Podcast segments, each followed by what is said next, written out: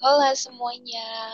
Wah, seneng banget nih kali ini aku, Dia Putri Amelia, bisa dipanggil Deput, bisa ikut gabung sama pendengar setia di Tegas Podcast. Sepertinya nih ya, kalian pasti udah tahu lah ya, kalau yang namanya sendirian itu gak enak. Maka dari itu, kali ini aku ditemani sama partner aku, yaitu Halo, aku Dia Pratiwi, bisa dipanggil Dia. Jadi, aku dan Deput bakalan menemani hari-hari kalian di sini dengan perbincangan kami yang tentu aja menarik banget untuk dibahas.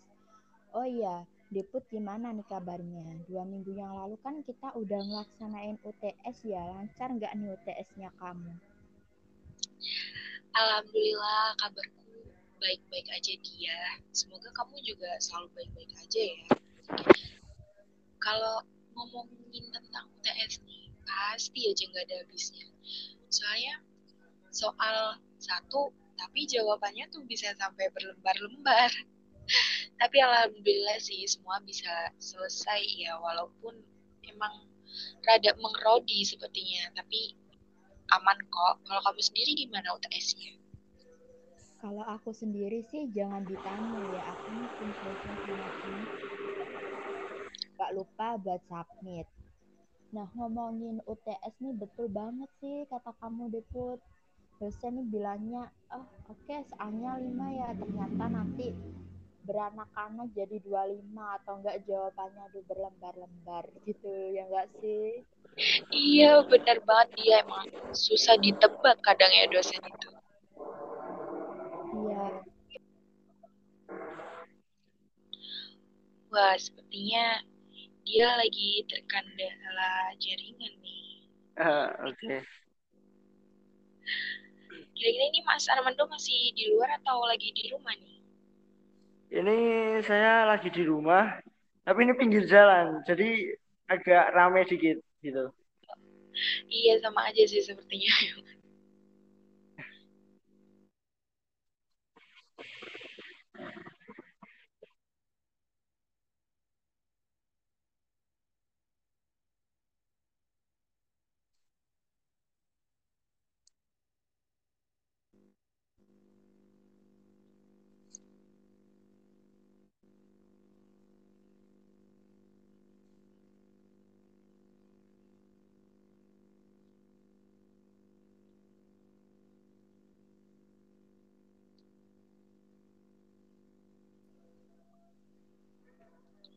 Halo dia. Halo, halo, maaf banget ya tadi keputus. iya, nggak apa-apa kayak emang di rumah kamu habis hujan ya? Iya, betul banget habis hujan. Jadi ya ginilah sinyalnya agak jelek. Oke, mungkin kita lanjut aja nih. Gimana kabar kamu sama UTS kamu? Alhamdulillah sih aku baik dan juga OTS-nya sih ya apa pun itu hasilnya semoga diberikan yang terbaik ya buat kita gitu. Iya amin amin benar banget ya. Oh iya ngomong-ngomong nih kita mau bahas apa sih di Tegas Podcast kali ini? Gak mungkin kan ya kita cuman ngobrol berdua doang gitu. Kamu join berarti nggak tahu nih agendanya sini dia aku kasih tahu ya kalau kita kali ini itu akan menemani para pendengar Gagas Podcast dengan pembahasan yang kekinian dan menarik banget dengan tema zat adiktif. Aku juga mau kasih tahu kamu dia, kita nggak cuma berdua loh, karena kita ada tamu spesial banget kali ini. Wah, siapa tuh tamu spesialnya? Menarik banget gak sih ini pembahasan kita di Tegas Podcast malam ini? Yaitu kita akan bahas tentang zat adiktif. By the way, bukannya zat adiktif itu zat yang apabila dikonsumsi bisa menyebabkan ketergantungan ya? Bener banget dia. Kayaknya emang gak salah ya kamu ikut tegas. Jadi bisa tahu tentang zat adiktif gini. Mantep, pokoknya mantep banget aku kasih dua jempol deh buat kamu kalau bisa. Oh ya nih dia, menurutku kurang puas banget kalau kita cuma tahu seputar pengertian zat adiktif aja. Gimana kalau kita langsung ajakin seseorang yang lebih tahu banyak dan lebih berpengalaman nih? Langsung aja ya. Halo Mas Armando, apa sudah terhubung?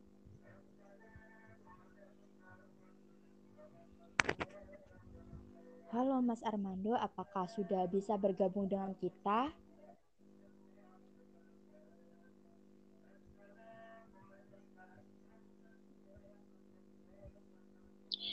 Mungkin masih reconnecting nih dia ya.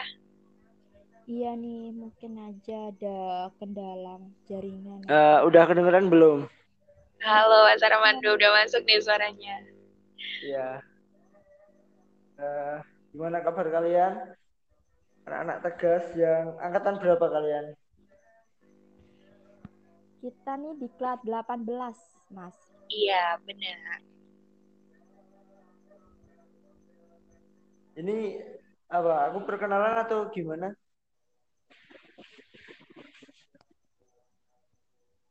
Ya, mungkin bisa. Ini kok anu ya, suaranya kecil banget ya?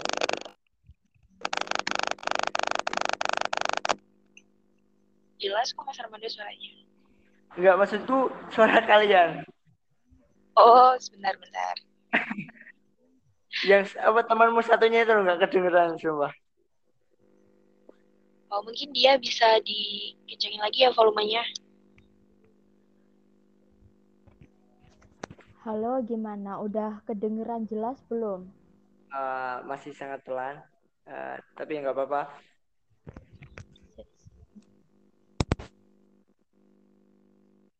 Udah kedengeran jelas? Iya, udah, udah. Oke. Okay. Gimana Mas Armando lagi sibuk apa nih akhir-akhir ini? Uh, aku lagi sibuk kerja jualan ini sampai skripsiku agak terganggu. Jadi ya dimaklumi kalau agak lambat.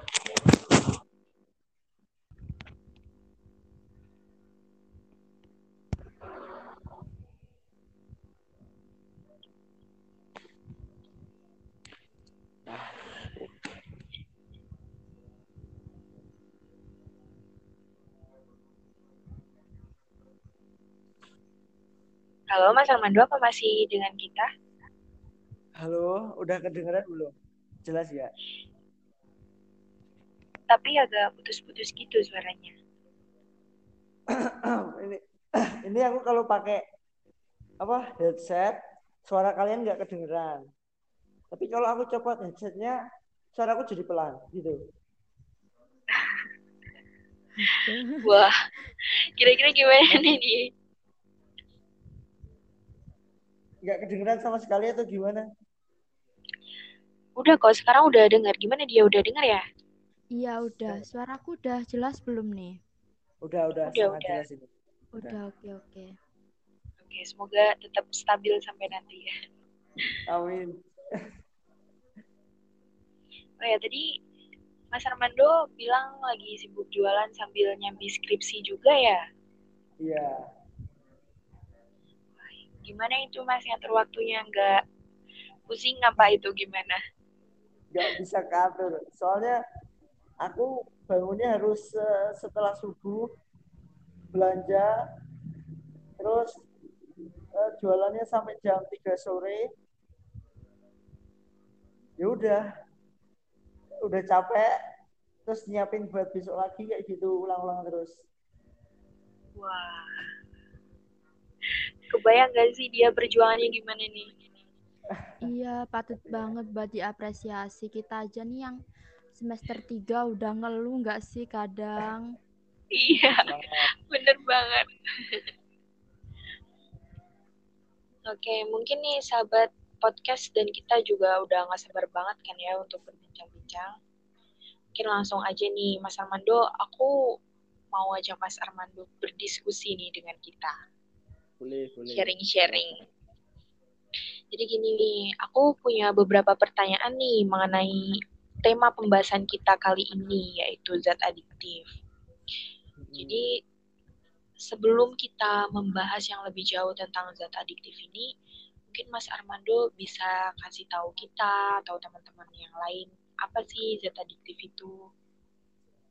Uh, untuk pertama-tama zat adiktif itu seperti yang kita ketahui secara umum merupakan zat yang apabila dikonsumsi akan menyebabkan ketergantungan dan kecanduan.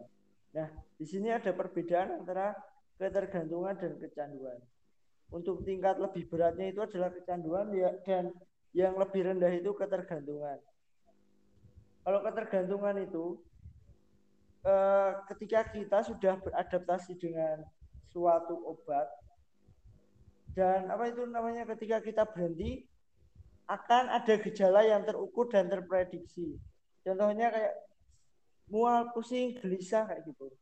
Sedangkan kalau kecanduan itu intensitasnya lebih ekstrim lagi, bisa menyebabkan depresi sampai kesakitan seperti itu. Wah, jadi uh, seperti itu ya zat adiktif itu seperti yang dijelaskan sama Mas Armando nih. Uh, kan uh, zat adiktif itu kan banyak jenisnya ya, Mas. Iya. Uh, salah satunya atau mungkin termasuk itu ada kopi dan teh yang sering banget dikonsumsi oleh masyarakat, terutama kita juga sih. Kalau Mas Armando gimana nih? Sering banget nggak sih ngeteh atau ngopi mungkin saat kerja atau di pagi hari gitu? Uh, kalau saya sendiri karena hidup di lingkungan yang sudah terbiasa dengan teh, saya tinggal di Jawa Tengah, Sukoharjo. Uh, jadi tentu saja saya hampir sarapan atau makan pagi itu didampingi dengan teh. Padahal itu sebenarnya bukan hal yang baik juga ketika kita secara berlebihan mengkonsumsi teh terus menerus. Untuk apa itu namanya? Kan di dalam kopi dan teh itu ada kandungan yang namanya itu kafein sama tehin yang memiliki sebuah apa itu namanya sebuah zat yang dapat membuat hormon manusia itu menjadi apa ya namanya ya uh, ingin untuk mengkonsumsi ulang lagi seperti itu. Jadi ya kopi dan teh menurut saya itu minumannya ya ada manfaatnya, tapi ketika dikonsumsi secara berlebihan tentu saja akan berdampak sangat buruk terhadap tubuh maupun pikiran manusia dalam jangka panjangnya seperti itu. Wah, jadi udah kasih tahu juga nih sama Mas Armondo ya kalau mengkonsumsi dalam jangka panjang itu efeknya kayak tadi yang pusing lah. Terus aku tuh juga pernah dapet cerita pengalamannya sama kayak Mas Armando gini, tapi bedanya kalau pengalaman aku itu kopi, Mas. Hmm, iya. Iya, jadi setiap pagi, pokoknya sebelum kerja itu beliau harus melakukan ritual minum kopi. Soalnya kalau aku pernah tanya kan, kalau misalnya gak minum kopi itu emang kenapa sih? Terus dia tuh bilang kalau nggak minum rasanya badan sakit semua, kepala pusing, terus kalau kerja gitu jadi gak fokus.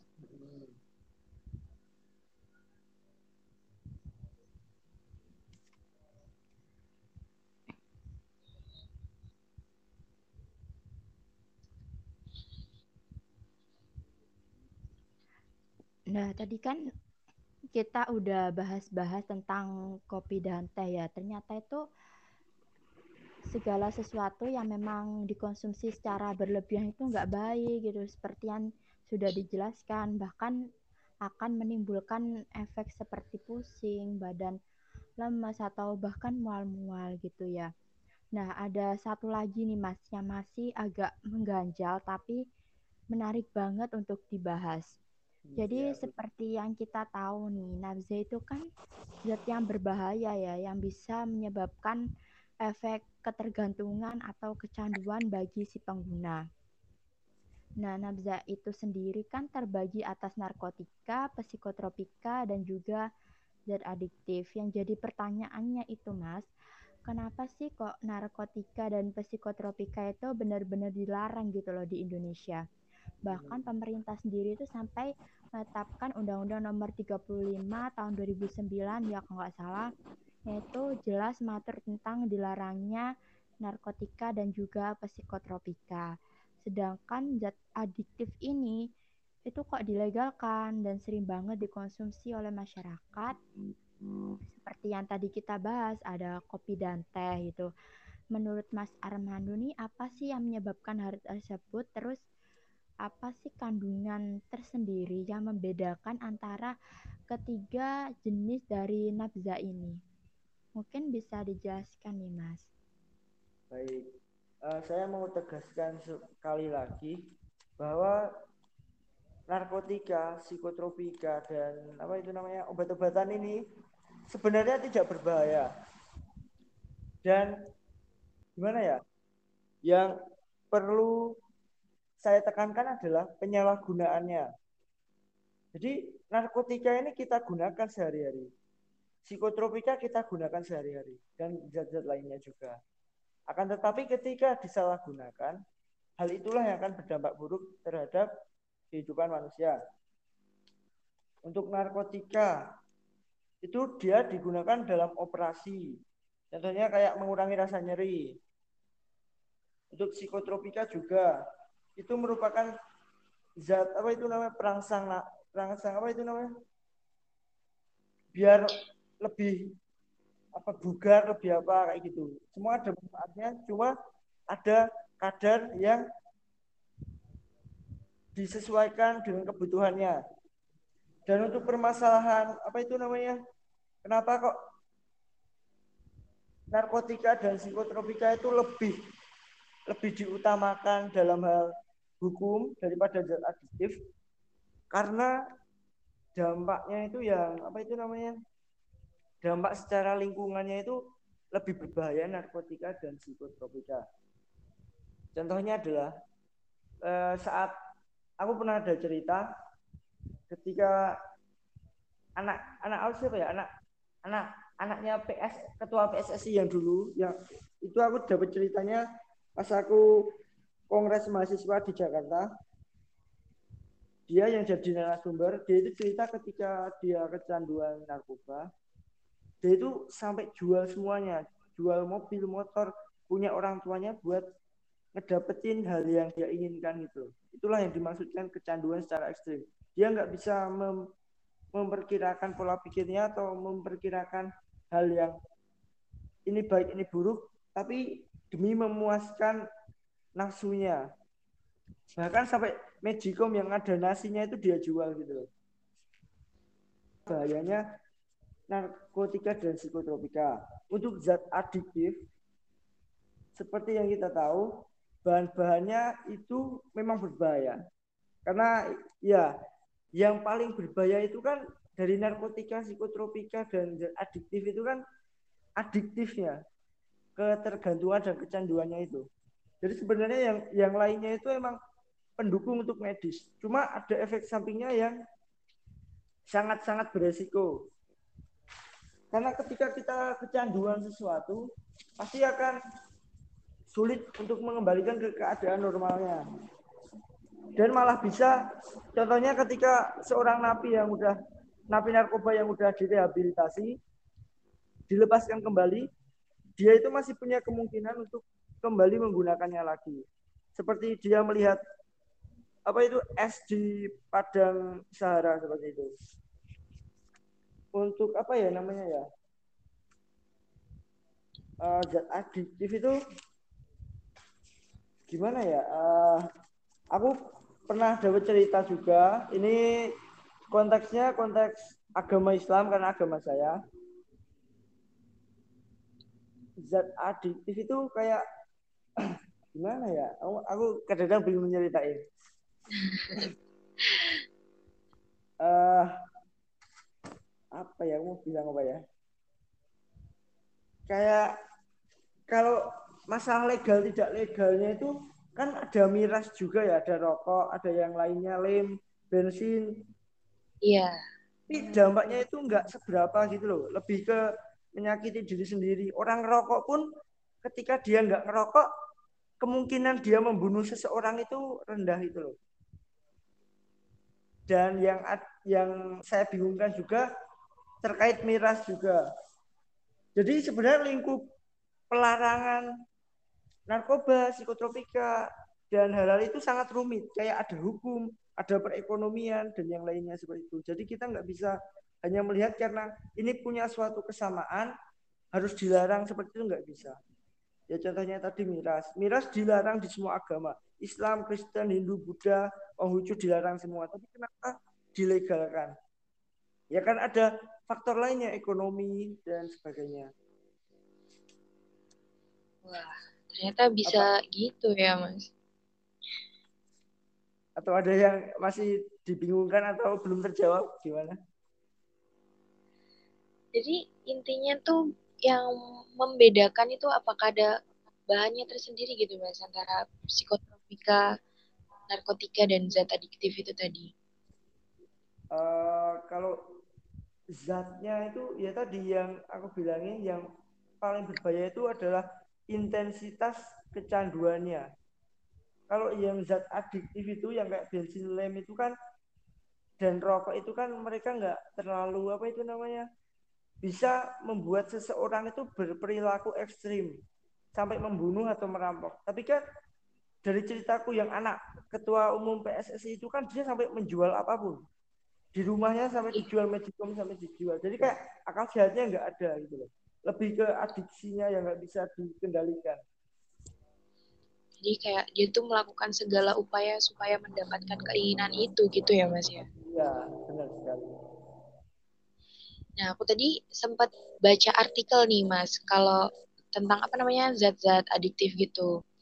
Nah, aku yang sempat aku baca itu ada perbedaan dari zat adiktif. Terus kalau yang zat adiktif yang ada di kopi atau teh ini tidak berbahaya karena yang terdapat di dalamnya itu bukan bahan yang berbahaya melainkan kafein seperti yang dikatakan Mas hmm. Armando di sesi yang awal tadi ya Mas ya. Yeah. Nah, kebetulan nih, tadi kan Mas Armando juga sempat menyinggung tentang lem ya. Nah, kali ini kita akan menyinggung mengenai zat adiktifnya juga, yang salah satunya itu bernama inhalansia, atau yang sering kita jumpai itu di lem Ibon dan lem Fox kayak gitu. Ini menurutku juga menarik banget sih, Mas, karena iya. banyak orang yang keracunan atau mabuk lem saat menghirup bau lem itu. Nah, yang jadi pertanyaannya itu, sebenarnya apa yang membuat orang-orang itu suka menghirup bau lem? Dan notabene itu yang menjadi korban kok orang yang berekonomi menengah ke bawah. Bahkan kalau di kota besar pun itu banyak loh anak jalanan yang menghirup lem atau istilahnya ngelem gitu. Gimana menurut Mas Armando nih? Uh, kalau menurut saya, ini secara psikologi karena jurusan saya psikologi, jadi di dalam tubuh manusia, di tepatnya di otak manusia itu ada berbagai hormon. Contohnya ada dopamin, serotonin, oksitoksin, dan endorfin. Kalau dopamin itu meningkat, yang mengatur perasaan atau sensasi senang, serotonin meningkatkan nafsu makan, oksitoksin itu hormon cinta atau kasih sayang, endorfin pereda nyeri atau stres. Nah, kalau menurut saya ada beberapa zat yang terdapat pada lem itu yang dapat meningkatkan dopamin seseorang, perasaan atau sensasi senang. Jadi ketika dia menggunakannya, dia akan ingin lagi, ingin lagi karena merasakan kesenangan gitu. Kayak orang jatuh cinta gitu kayak orang suka pada seseorang. Dia kan ingin merasakannya lagi. Seperti itu. Dan untuk kalangan anak muda untuk kalangan anak-anak dan apa perekonomiannya yang rendah itu karena menengah ke bawah maaf. Itu ya. karena ya karena mudah didapat lem bisa dibeli di mana saja. Ya nggak ada alasan lain. Maksudnya ya mau beli narkoba yang berapa gram itu 400 ribu, ya kan? iya benar. Nah ini tuh kalau misalnya anak kecil beli lem gitu kan mungkin juga nggak dicurigai ya mas ya paling oh ini disuruh orang tuanya gitu. Iya, ya karena ya karena emang kegunaan lemnya kayak gitu. Penggunaan lemnya kan emang kayak gitu maksudnya. Ada kan anak SD atau anak SMP kan ada tugas prakarya atau apa kan yang menggunakan lem. Jadi yang nggak yeah. bisa dilarang juga untuk nggak membeli. Tapi ya Jadi, itu sih. Uh, kalau misalnya aku mau mau cerita lagi, maaf ya. Iya nggak apa-apa uh, mas. aku suka ngomong soalnya. Nanti kalau ketemu iya. aku cerita banyak. Menarik banget nih. Iya nih boleh uh, banget. Kayak apa ya? Aku kan juga pernah sering tanya ke BNN eh, provinsi atau apa itu. Aku pernah nanya kenapa kok narkoba? Terus apa itu namanya? Psikotropika dan zat aditif itu kok dilarang. Sedangkan kok judi main game pornografi yang notabene merupakan sebuah kecanduan kenapa kok nggak dilarang? Dan jawabannya itu karena narkotika zat aditif itu uh, meningkatkan hormon seseorang dengan memasukkan suatu zat ke dalam tubuh. Jadi kita hormon itu gimana ya? Kayak nafsu itu nggak bisa diatur gitu loh. Kalau ada zat yang masuk dalam tubuh kita itu meningkat secara drastis kita nggak bisa ngatur. Makanya itu yang berbahaya.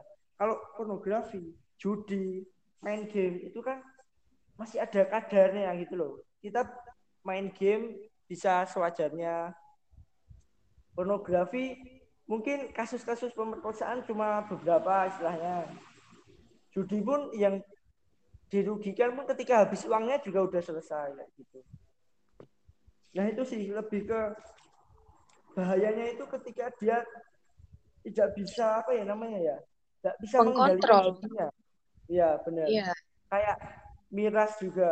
Miras kan ini cerita yang tadi mau aku sampaikan tentang komer. Komer itu uh, minuman yang memabukkan. Ada sebuah kisah ahli ibadah yang di apa ya namanya ya ditangkap atau disandera terus ketika dia itu boleh dilepaskan ketika memilih salah satu yaitu harus membunuh anak atau memperkosa wanita atau meminum khamar dia kan mungkin secara logis memilih yang dosanya paling kecil yang dia kira dosanya kecil yaitu meminum khamar tapi setelah dia meminumnya malah dia memperkosa sekaligus membunuh gitu loh. Itu karena dia nggak bisa mengontrol dirinya. Itulah bahayanya.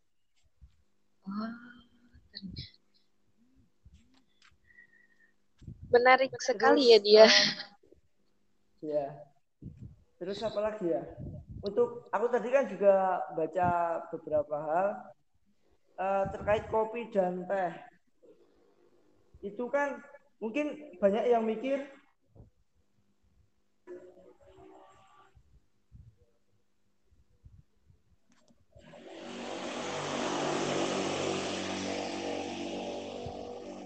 Halo? Iya, halo Mas Armando. Halo, kedengeran? Kedengeran, masuk ke suaranya? Uh, sampai mana ya tadi ya? Kopi dan teh, Mas. Oh iya, kopi dan teh. Jadi yeah. terkait kopi dan teh, mungkin ada yang orang-orang berpikiran bahwa apakah ada sih uh, alternatif lain atau tradis minuman tradisional yang bisa menggantikan kopi dan teh? Menurut saya permasalahannya itu bukan kebendanya atau alternatif yang lainnya. Tapi pola pikir manusianya gitu. Narkoba itu seperti pisau, kopi teh itu seperti pisau. Apa pun hal itu barang itu nggak bisa bergerak. Jadi itu seperti pisau gitu loh, kayak apa pun yang kamu lakukan, kalau kamu lakukan dengan baik, dia akan bermanfaat. Kalau buruk, dia akan digunakan untuk membunuh dan yang lainnya. Contoh lagi mengenai apa ya? Ini agak melenceng. Mengenai apa? Penciptaan plastik. Mungkin kan saat ini kan kita menseru-serukan penggunaan apa kertas alami dari pohon. Iya. Tapi sebenarnya sebenarnya tujuan dari plastik yang dibuat pada tahun 9 berapa itu aku lupa itu untuk mengurangi penebangan pohon. Jadi itu loh kayak contohnya sebenarnya yang salah itu bukan plastik atau kertasnya, bukan kopi tehnya, tapi manusianya gitu loh yang harus dirubah pola pikirnya. Seperti itu. Gimana ada tanggapan atau pertanyaan lain?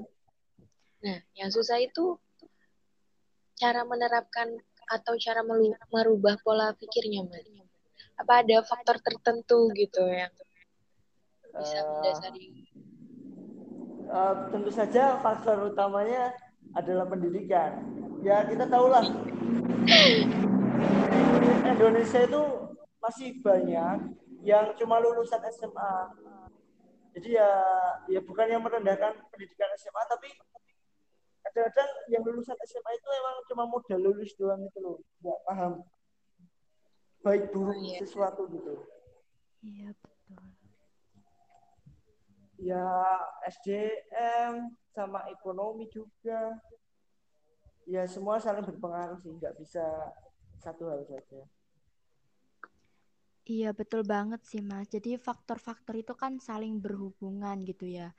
Nah mungkin uh, karena tadi kita nyinggung lagi tentang kopi dan teh nih Mas. Ada nggak sih tips atau trik gitu biar kitanya tuh nggak kecanduan untuk uh, atau ketergantungan buat minum kopi dan teh gitu loh. Gimana ya? Soalnya saya pun masih ada masih kecanduan. Maksudnya gimana ya? belum menemukan ya sebenarnya soalnya ya itu namanya kan ketika kita memasukkan zat pada tubuh kan kita nggak bisa ngendaliin karena itu zatnya masuk gitu kalau pengen ya dihindari kayak apa ya ya minum kopi ya satu kali aja. Maksudnya ketika dibutuhkan aja kayak lembur. Tapi kalau lemburnya tiap hari juga ya malah sakit jantungnya. Percuma. Iya. Aja deh. Biasa ya. Mungkin diganti sirup kali ya atau apa energen. terus nanti. nah pokoknya nggak boleh berlebihan karena sesuatu yang berlebihan itu nggak baik gitu ya. Yeah. Nah kita kembali lagi nih mas ke inhalasi natolem tadi kan hmm, ada beberapa orang atau anak-anak di jalanan gitu ya sampai hmm kecanduan untuk menghirup lem atau istilahnya kita nyebutnya tuh ngelem gitu. Bahkan dari mereka sampai kecanduan, gak hanya kecanduan sih, bahkan mengakibatkan keracunan gitu loh. Ada kandungan atau zat apa sih pada lem itu sehingga mereka yang menghirup baunya secara berlebihan itu bisa menyebabkan keracunan. Aduh, aku kalau soal jalan kayaknya aku kurang paham deh maksudnya kayak apa ya ah, bukan bidangku tapi ya apa ya ya aku kurang tahu jujur aku kurang tahu kurang tahu mungkin nanti kalian bisa cari sendiri oke okay, ya nggak apa-apa maaf ya nah kalau di lingkungannya Mas Armando sendiri nih kan lem itu kan dijual secara bebas ya mas iya. seberapa yeah. aware sih man, uh, masyarakat di lingkungannya Mas Armando terkait uh, adanya bahaya ngelem itu? Uh, sebenarnya kalau di lingkunganku agak aman sih, maksudnya ada apa itu namanya gerakan Islamisasi di desa-desa. Jadi ya agak anak-anak pun malah dirajinkan TPA, jadi malah sekarang kan anu istilahnya aku lihatnya dari kondisi corona ini ya. Jadi kan anak-anak jarang bergaul di sekolah. Jadi lebih sering diawasi orang tua. Jadi mungkin saat ini di lingkunganku anak-anaknya lebih terjaga sih. Seperti itu. Wah, bagus juga nih ya. Ternyata ada dampak positifnya dan adanya corona ini kita jadi nggak main aja biar di rumah kita bisa berkegiatan sosial dengan keluarga gitu. Iya, sekalian menyinggung tadi kan Mas Armando juga bilang kalau lingkungannya aman gitu ya. Berarti kalau seseorang eh seseorang anak-anak yang ngelem itu bisa dipengaruhi juga dari faktor lingkungan gitu ya, Mas. Iya, karena apa ya? Uh, secara psikologis itu kan ada jenjang usia manusia umur berapa umur berapa nah biasanya umur-umur berapa ya? 9 atau 8 ke atas sampai 17 18 itu adalah masa-masa pertemanan. Maksudnya anak-anak itu lebih mengutamakan teman daripada orang tua atau pacar atau kekasihnya. Soalnya gimana ya? Ya itu ada tahap-tahapannya. Kayak umur balita lebih dekat dengan eh, perempuan. Lebih dekat dengan ibunya terus anak-anak teman-teman uh, usia 10 tahun ke atas. Teman-temannya usia 20 tahun ke atas. Pasangan seperti itu. Jadi kenakalan remaja itu sebenarnya karena ya faktor psikologisnya secara alami gitu loh. Mereka itu lebih apa ya namanya ya? Lebih istilahnya pertemanan itu kuat gitu erat jadi kayak kalau ada temennya yang membuat tren tren keren kerenan merokok ngelem itu ya udah. Kita tetap sebagai kalau sebagai orang tua ya harus membuat pertemanan anak kita itu anak kita. Anak itu aduh. Rada deg-degan ya. ya kayak gitu sih. Atau dipondokin aja anaknya. Oh iya, itu lingkungannya juga lebih terjamin ya Mas ya. Ya belum tentu juga sih. Wah, ternyata aku, aku pikir itu udah solusi teraman loh tadi.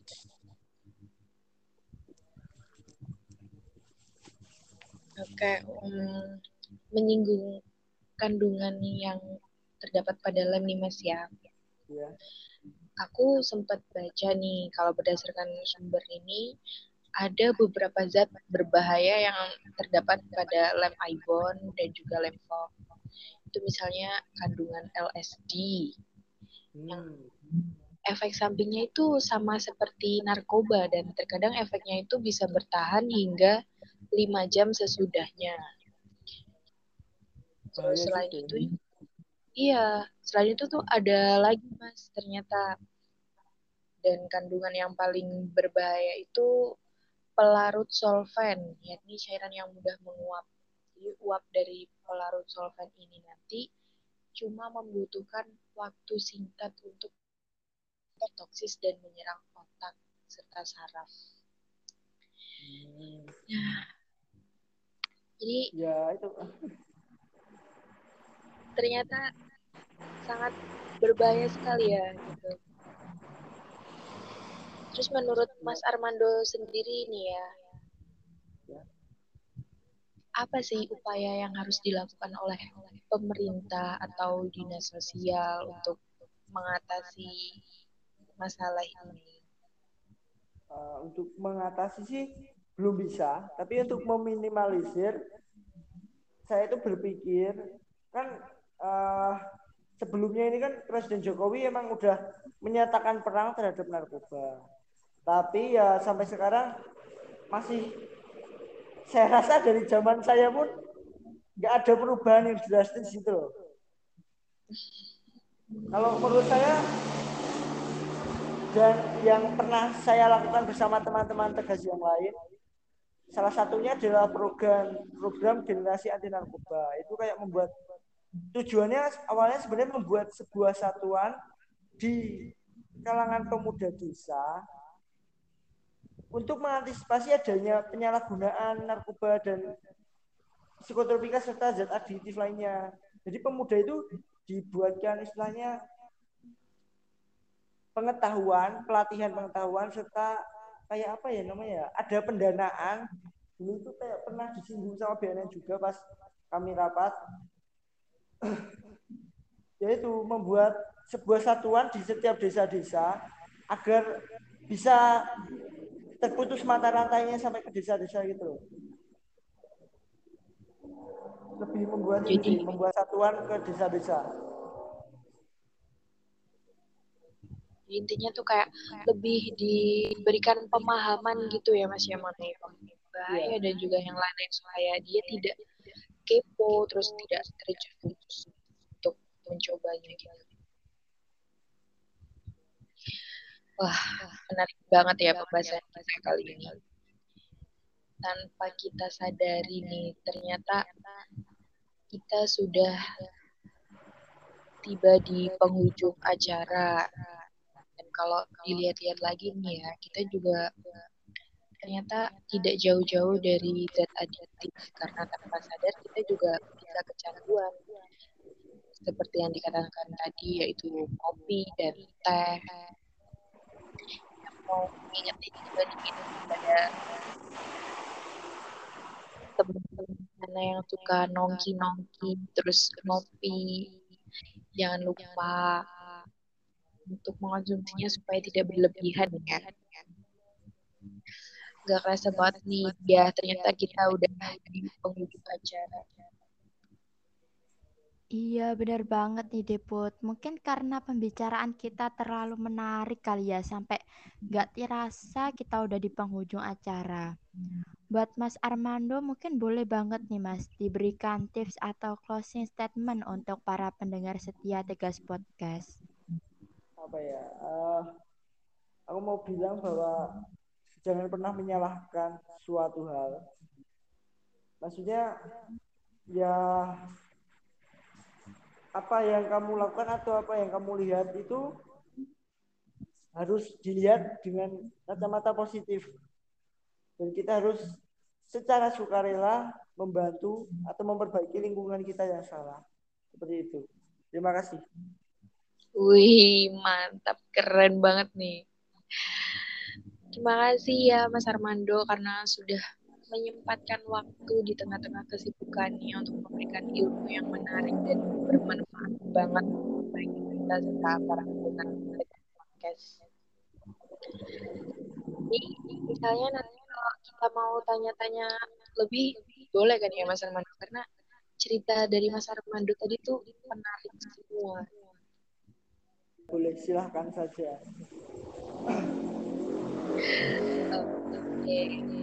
Kepada Sobat Tegas Podcast, jangan lupa untuk selalu tungguin edisi podcast selanjutnya ya. Yang tentunya nggak bakalan kalah menarik dari pembahasan kita kali ini. Saya Dia Putri Amelia. Dan saya Dia Pratiwi, pamit undur diri dan sampai jumpa lagi di Tegas Podcast selanjutnya. Bye-bye. Bye bye. Makasih banyak Mas Armando. Iya, Terima kasih, Mas.